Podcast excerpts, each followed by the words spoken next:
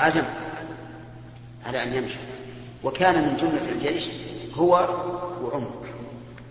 يقودهم من؟ أسامة. أقل منهم سنا وأقل منهم شرفا. لكنهم رجال يمتثلون أمر الله ورسوله. ما ظنك لو جيء بضابط يروح تحت قيادة جندي؟ يطيع ولا ما يطيع؟ ها؟ أبدا ما يطيع.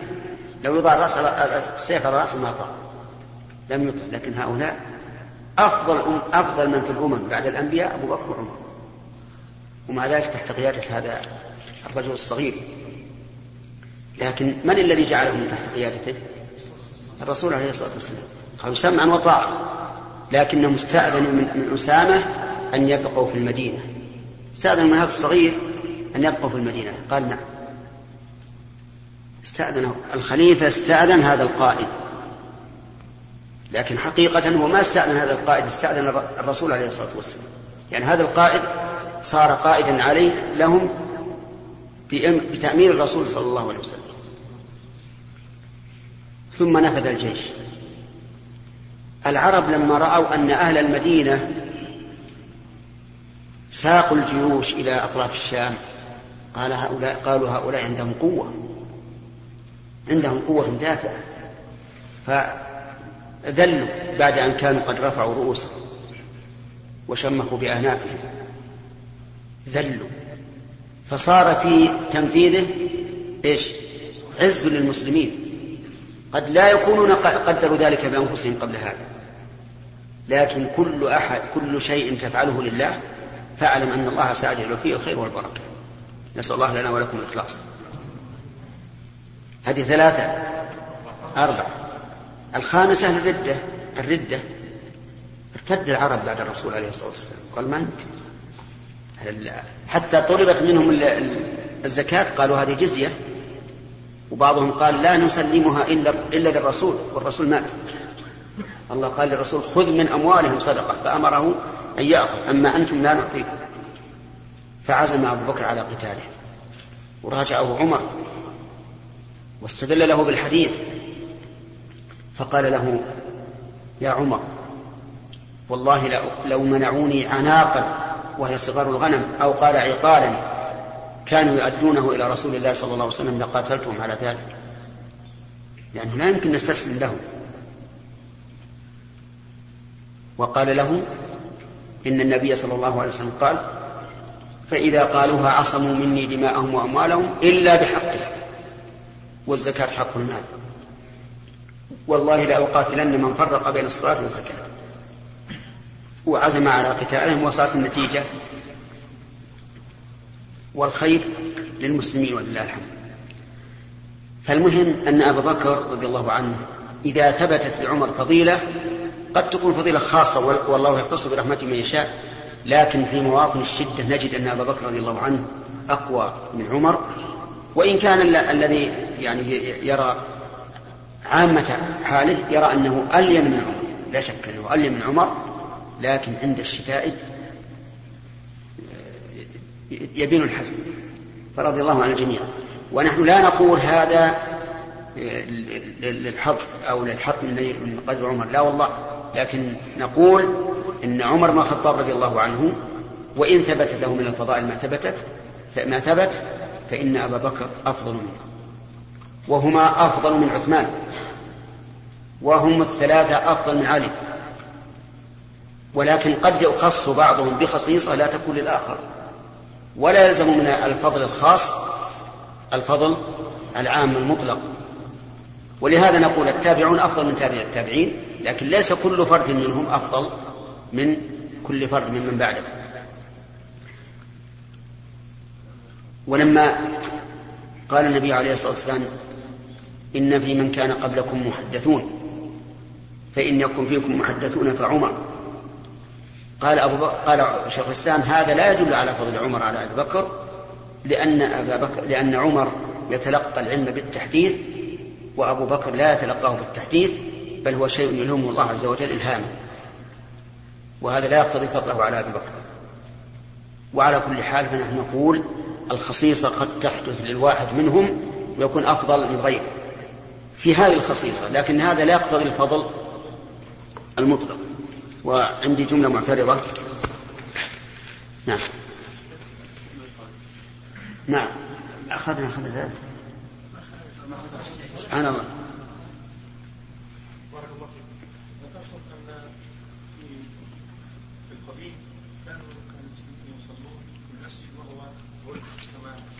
ما هو ظلمة مرة. في سراج ضعيف. ما هو. يعني يعني مرة. بس مو مرة مرة يعني في بعض الشراع يطفئون في خارج حتى يكون في خشوع يظنون بذلك أنه تاتي خشوع وفعلا يا شيخ يعني صليت معهم ولست فعلا الإنسان يركز. والله أنا رأيي ما بعيد. لكن لكن هنا سؤال. هل إذا خفف الله على الأمة ويسر الأمر نقول اتبعوا الأشد؟ أنا أنا لا أقول اتبعوا الأشد يعني لا أقول أطفوا الأنوار هذه وصلوا بلا أنوار. أو ارفعوا الفرش مرة.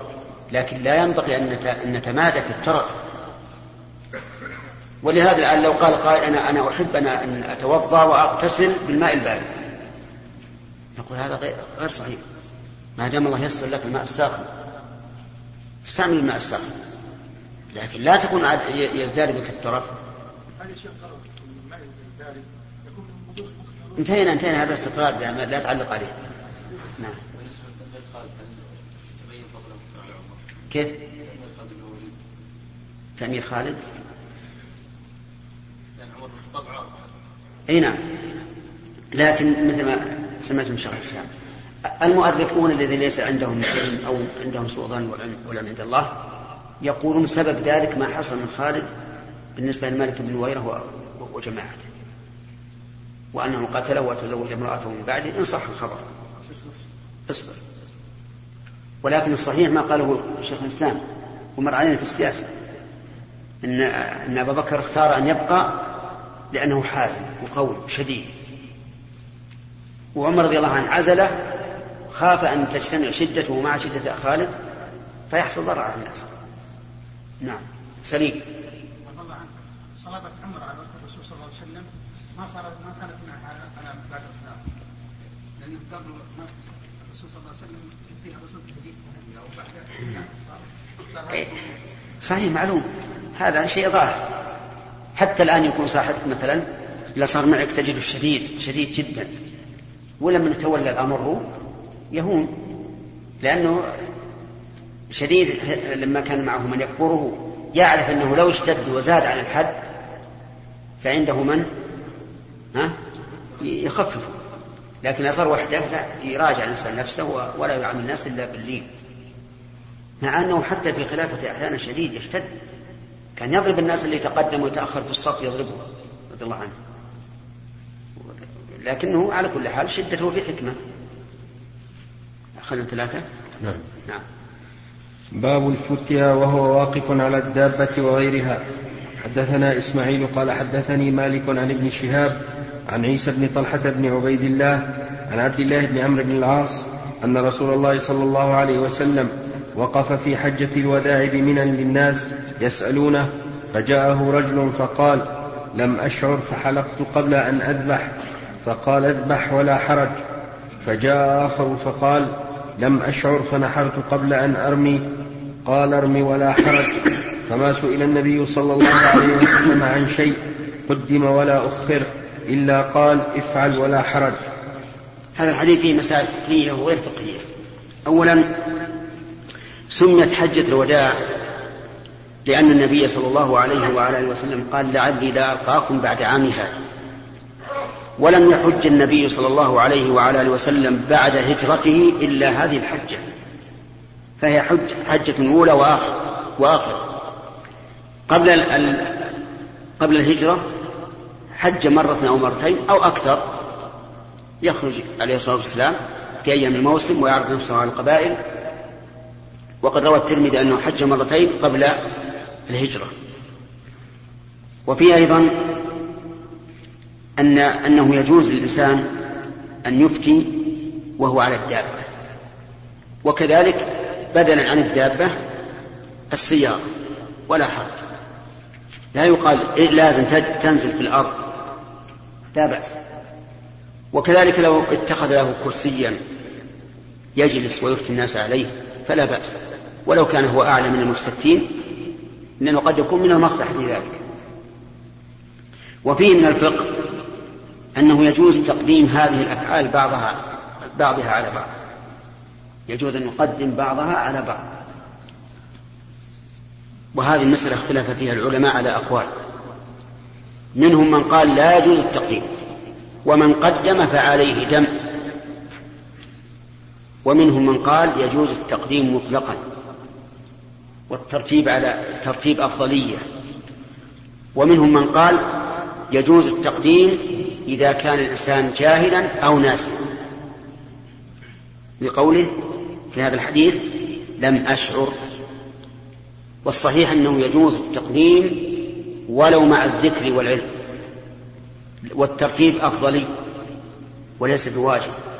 والدليل على هذا أن النبي عليه الصلاة والسلام لما سأل الرجل قال لم أشعر فحلقت قبل أن أذبح قال اذبح ولا حرج.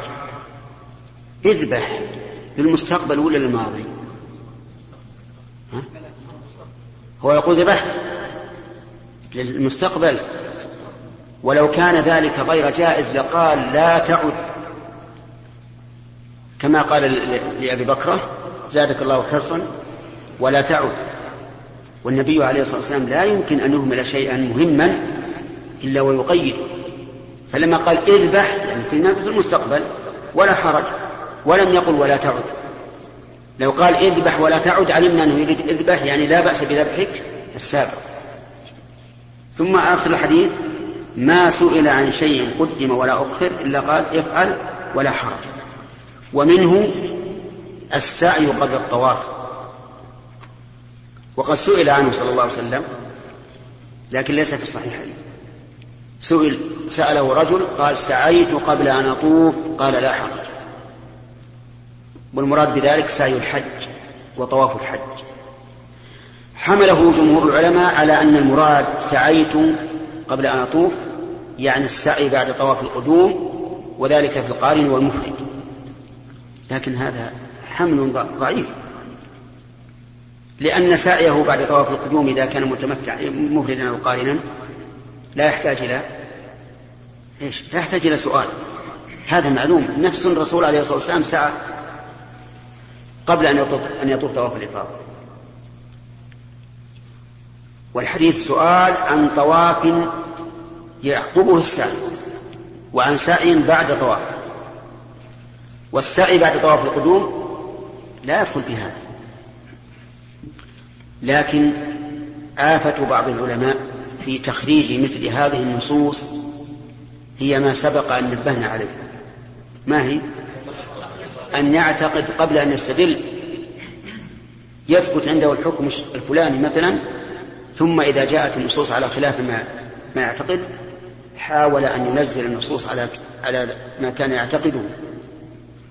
وهذا وإن كان النفس تحيف تحيف أحيانا. النفس في الحقيقة تحيف أحيانا. وتجد الإنسان ربما يحمل النصوص على محامل كريهة مستكرهة من أجل أن يتم ما كان يقوله. لكن هذا لا شك أنه نقص إيمان. نقص إيمان. لأن الله قال للرسول صلى الله عليه وعلى آله وسلم فلا وربك لا يؤمنون حتى يحكموك فيما شجر بينهم ثم لا يجدوا في أنفسهم حرجا مما قضيت. هذا طهارة الباطن. ويسلم تسليما هذا طهارة الظاهر. انقياد الباطن أن لا يكون في صدورنا حرج مما قضى ولو كان خلاف ما, نريد ولو كان فيما نكره وانقياد الظاهر ويسلم تسليما. وهذا هو الواجب على كل إنسان ولا سيما طلبة العلم. الواجب على طالب العلم إذا تبين له الدليل من كتاب الله أو سنة رسوله أن يقول سمعنا واطعنا وهذا والله ليس بضاعة له. يعني لا يضعه هذا لا عند الله ولا عند الخلق.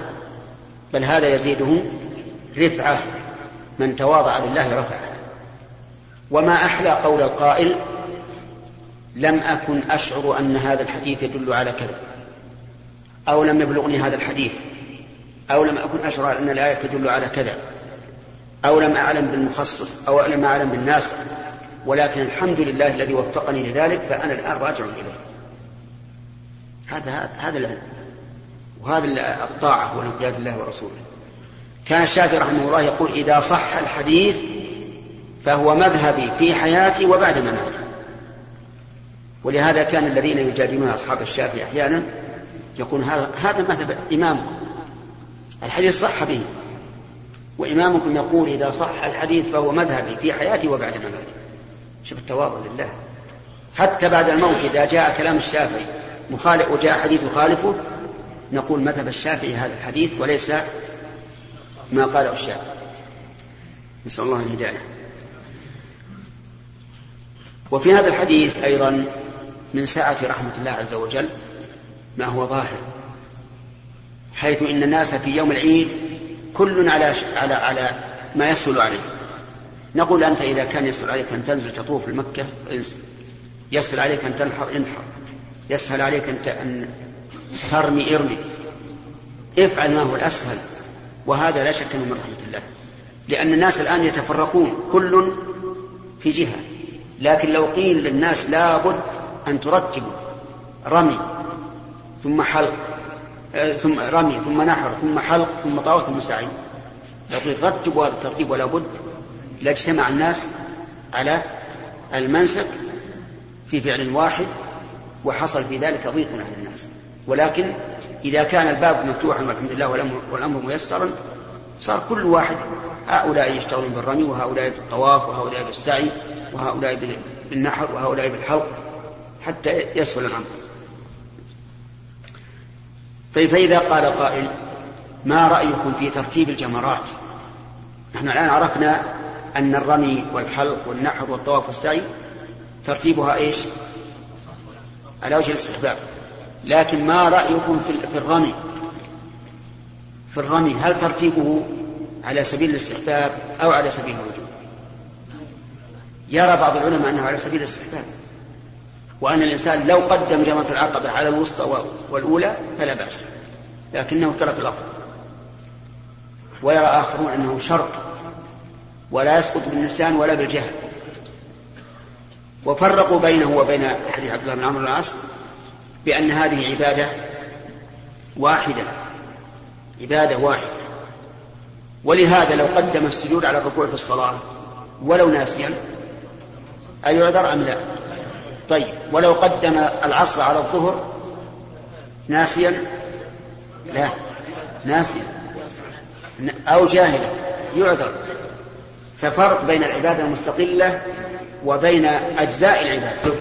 بسم الله الرحمن الرحيم. الحمد لله رب العالمين وصلى الله وسلم على نبينا محمد وعلى آله وصحبه.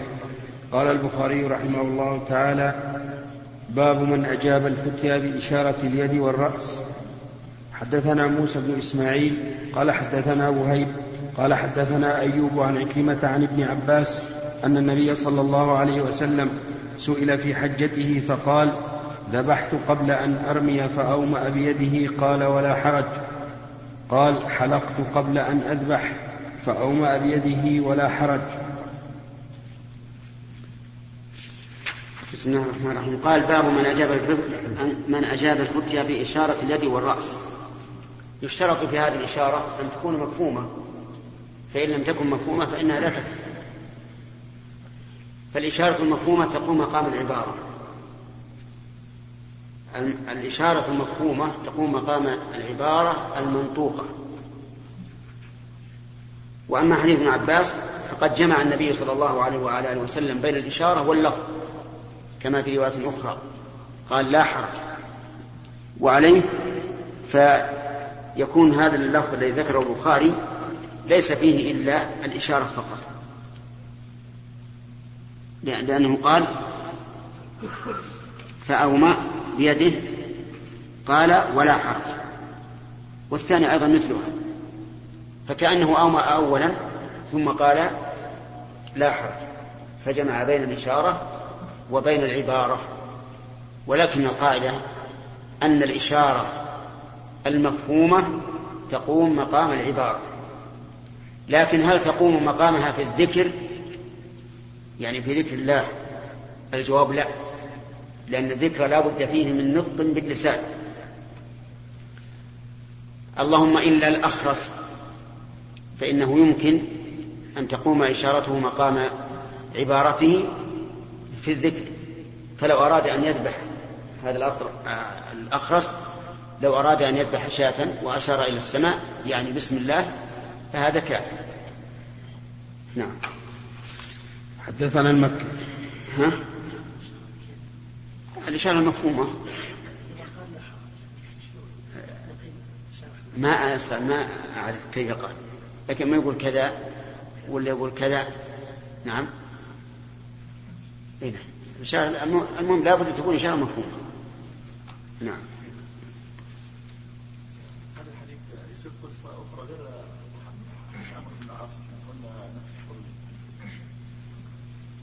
يحتمل أنها قصة أخرى أو انها قصة واحدة وأن ابن عباس رأى اشارته وابن عمر لم يرها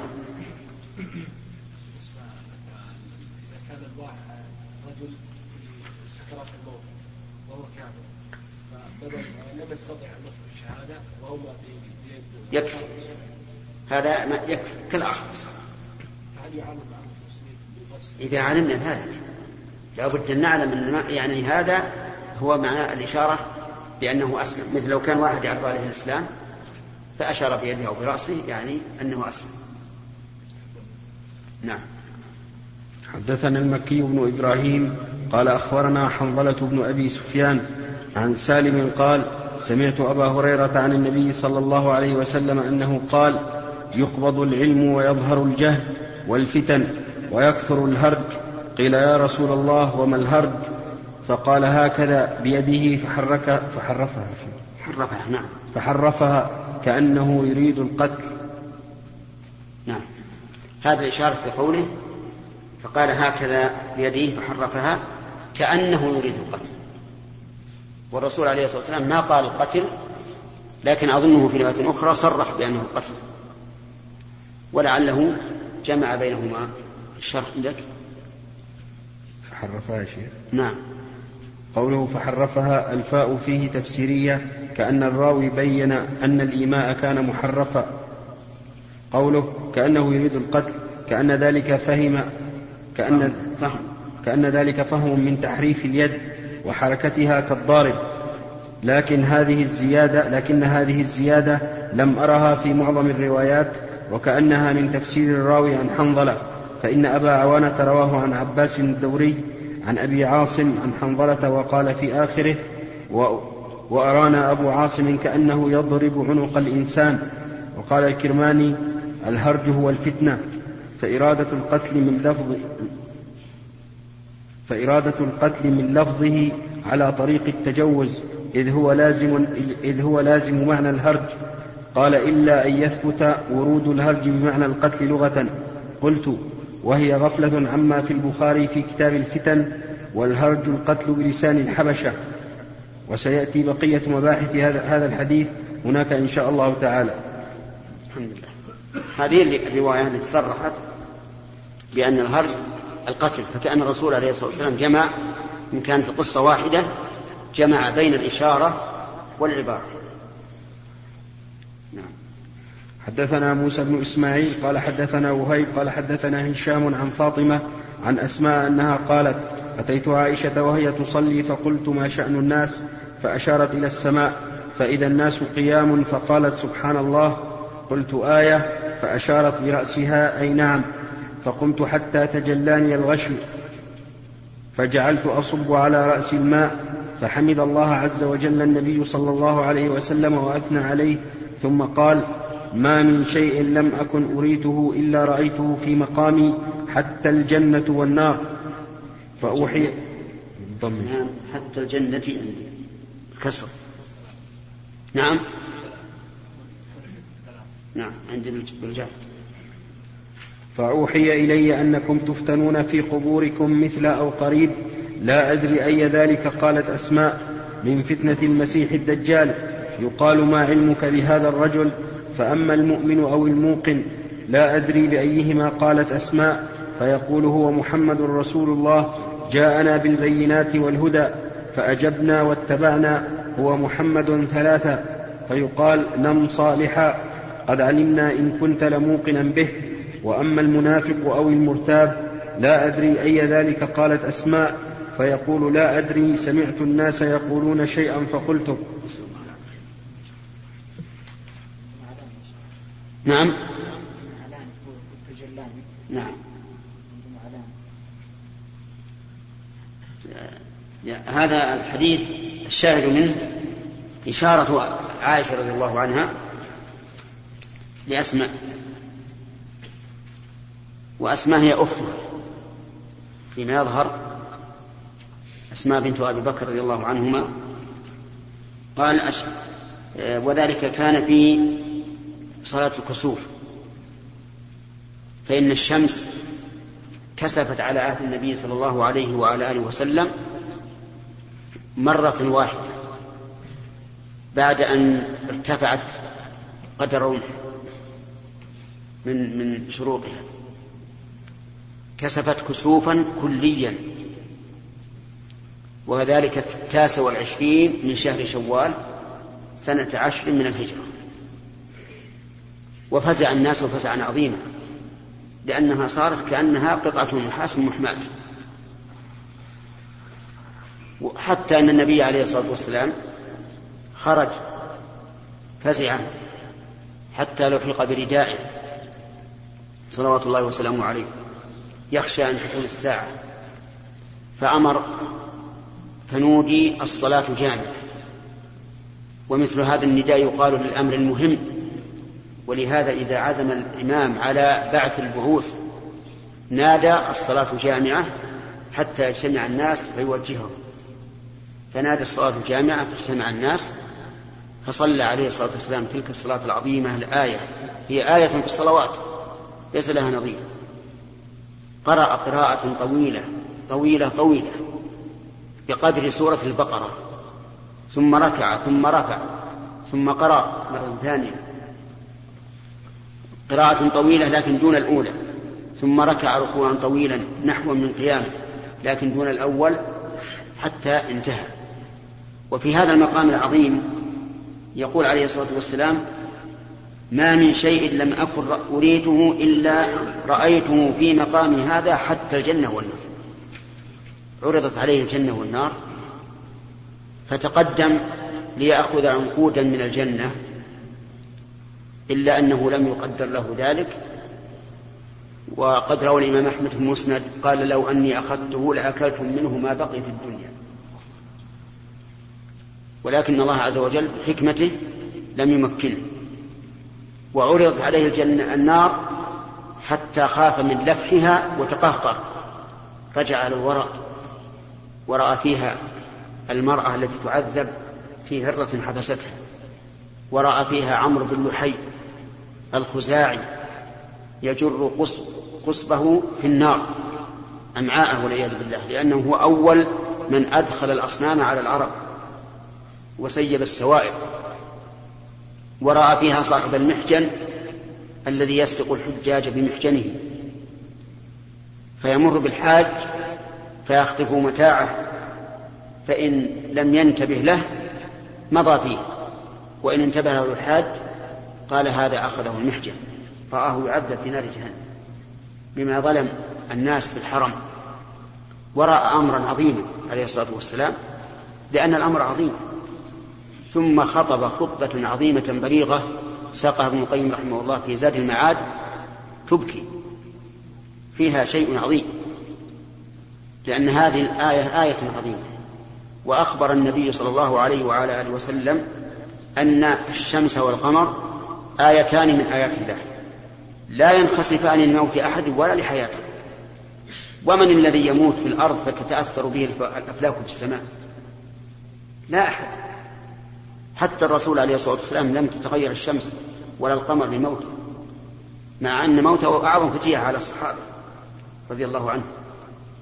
فمن الذي الذي تتغير له الأفلاك لموته أو ولادته؟ وهذه العقيدة عقيدة جاهلية لا أساس لها. يقولون إن الشمس أو القمر إذا كسف لموت عظيم أو لحياة عظيم وكل هذا لا أصل له ولا صحة له. لكنهما قال آيتان من آيات الله يخوف الله بهما عباده. يخوف والتخويف لا يلزم منه وقوع العقاب, العقاب.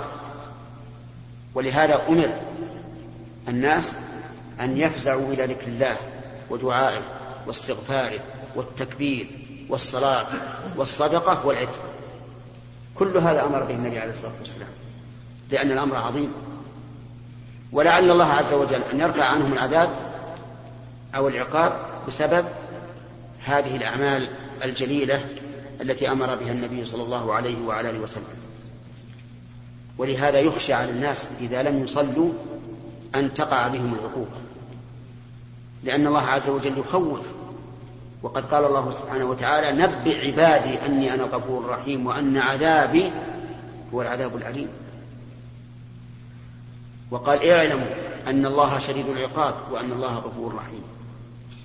ولهذا نرى أن صلاة الكسوف إن لم تكن فرض عين فهي فرض كفاية ولا شك. فإن الرسول صلى الله عليه وسلم قال افزعوا افزعوا والفزع يقتضي الأهمية والتعظيم لهذا الحدث. ومن ثم قال العلماء ينبغي أن تكون صلاة الكسوف كصلاة الجمعة لا تقام إلا في الجوامع حتى يجتمع الناس كلهم ويكون إمامهم واحدا ودعاؤهم واحدا لأن هذا أقرب إلى الإجابة. فإن اجتماع المسلمين على العبادة من أسباب الإجابة وانظر إلى تجلي الله عز وجل يوم عرفة للواقفين في عرفة لأنهم جمع كبير. وهذا حق أنه ينبغي أن تكون صلاة الكسوف في مساجد الجوامع. ولكن لا بأس أن تصلى في المساجد الأخرى إنما الأفضل. فالمهم أن الرسول صلى الله عليه وسلم رأى أمورا عظيمة. والصحابة رضي الله عنهم بعض بعضهم أخذه الغش من طول القيام والفزع والهلع ومنه منهم أسمع وفي هذا الحديث إشارة دليل على أن المصلي له أن يشير لمن سأله. لأن عائشة أشارت مرتين. مرة إلى السماء ومرة إلى السماء بيدها ومرة برأسها. وهذا لا بأس به. لا بأس أن يشير الإنسان وهو يصلي لكن للحاجة. وفي هذا الحديث إثبات السؤال في القبر وأن الناس يفتنون يختبرون الفتنة الاختبار في قبورهم. يأتيه أي الميت ملكان فيجلسانه وقال النبي عليه الصلاة والسلام حتى إنه عند انصراف أهله وأصحابه ليسمع قرع نعاله فيجلسانه إجلاسا حقيقة ويسألانه عن ربه ودينه ونبيه. فأما المؤمن الذي وقر الإيمان في قلبه أسأل الله أن يجعلني وإياكم منهم فيجيب بالصواب لأنه موقن. يجيب بأن ربه هو الله ونبيه محمد ودينه الإسلام. وأما المنافق والعياذ بالله أو المرتاب المنافق الذي يصرح بالكفر ونبذ التصديق لكن يتظاهر بالإسلام. والمرتاب لا ليس منافقا لكن يعمل إلا أنه في شك نعوذ بالله. فهذا لا يجيب لا يجيب لأن ما لأنه ليس عنده إيمان. يقول سمعت الناس يقولون شيئا فقلته اللهم أدخل الإيمان في قلوبنا. ولهذا يجب على الإنسان أنه يحرص غاية الحرص على دخول الإيمان في قلبه. لا يكن إيمانك إيمان حلقوم كإيمان الخوارج. حاول أن تدخله في قلبك وذلك بتذكر الله عز وجل دائما. واستمع إلى قول الله سبحانه وتعالى ولا تطع من أغفلنا قلبه عن ذكرنا. ولم يقل من أغفلنا لسانه عن ذكرنا. لا تكن إذا ذكرت الله تذكر الله بلسانك وقلبك غافل. هذا الذكر ما ينفع. اذكر الله بالقلب أهم شيء هو ذكر الله بالقلب. يا إخواني أهم شيء ذكر الله بالقلب.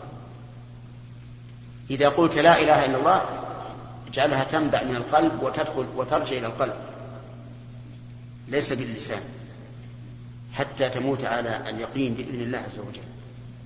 فأهم شيء أن يصل الإيمان إلى قرارة القلب. وإذا وصل إلى قرارة القلب سهل على اللسان سهلت الطاعات وسهل كل شيء. لكن البلاء كل البلاء نعوذ بالله ممن إيمانه إيمان الحلقوم فقط. هذا هو اللي على خطر. نعم.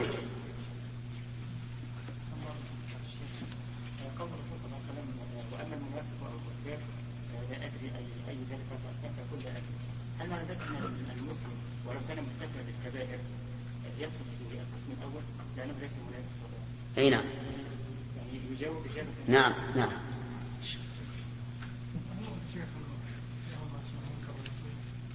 ورد هذا الحديث مشهور وبعضهم أنكر هذا ولكن لا وجه للإنكار. لأن معنى كونه منكر ونكير بالنسبة للميت كقول الله تعالى في قصة إبراهيم فلما رأى أيديهم لا تصل إليهم نكرهم وقال لهم أنتم قوم منكرون. نعم. نعم. الرسول صلى الله عليه وسلم أو صلاة لوحدها. الظاهر والله أعلم أنه أنها مع الرسول عليه الصلاة والسلام معنى ذلك يعني يجوز أن يصلي أحد خارج المسجد مع الرسول مع الإمام ولو كان بينهم فاصل والله ما أدري ما أدري. لفظ الحديث عندك؟ لا شفت الثاني في شو الشارع لفظ ثاني؟ وش اللفظ الثاني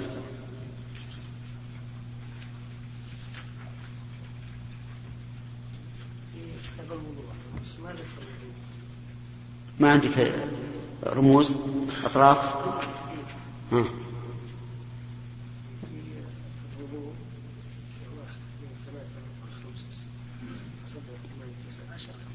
طيب الرقم. يمكن أوفى ما يكون في, الكسوف الله أعلم. معه. ولا أشار إلى ألفاظ أخرى؟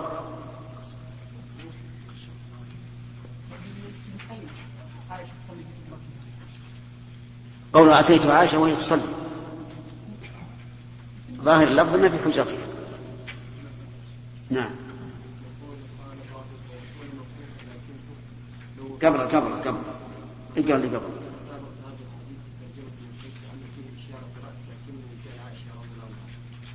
بعضهم فيكون لكنه حكم لانها كانت وكانت وكان من؟ من الكافر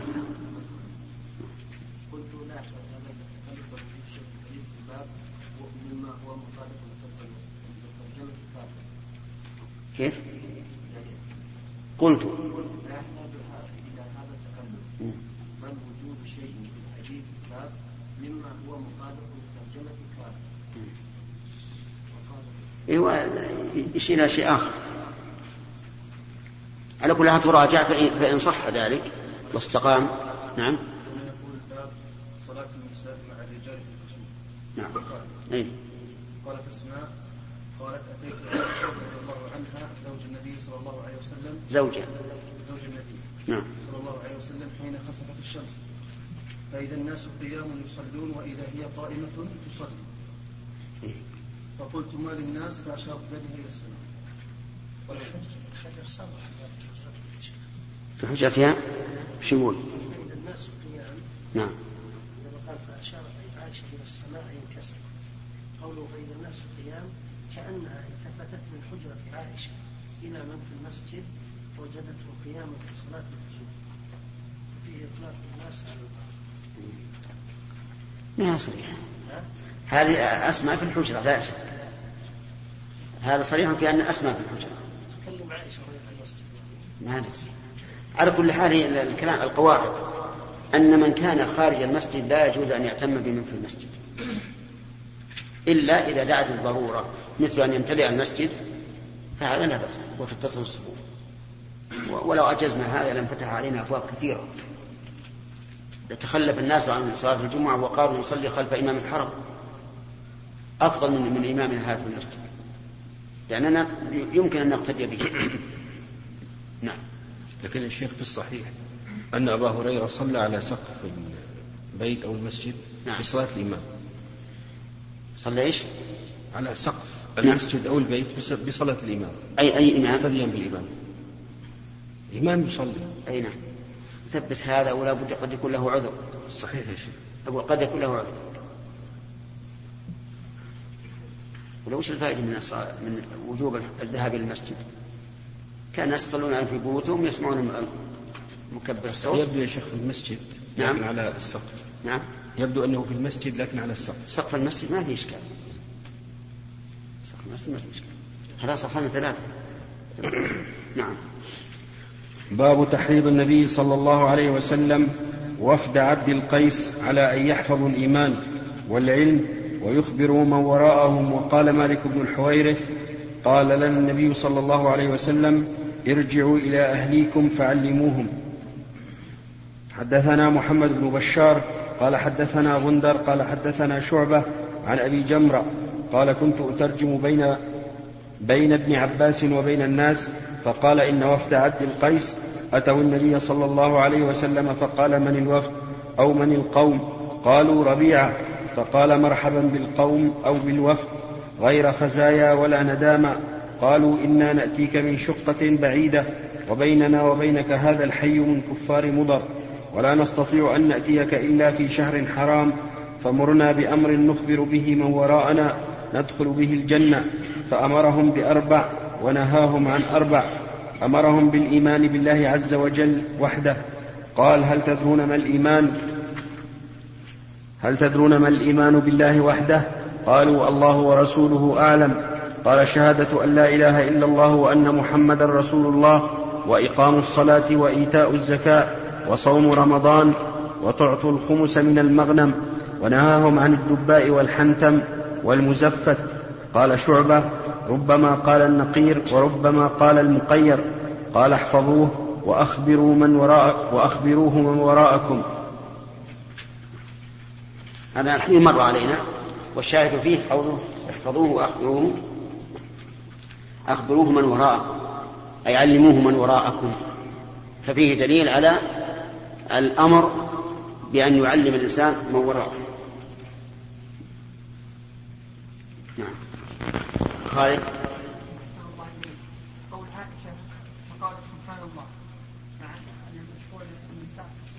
نعم. يؤخذ من هذا إذا كان إذا كان التسبيح خفيفا لا يسمعه الرجال فلا بأس به أو يكون هذا قبل أن يأمرهم النبي عليه الصلاة والسلام بالتصفيق.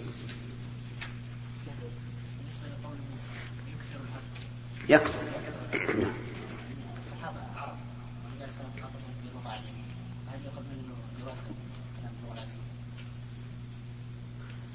ذكرنا أظن هذا سابقا. قلنا الكلمة والكلمتان من غير العربية لا بأس بهما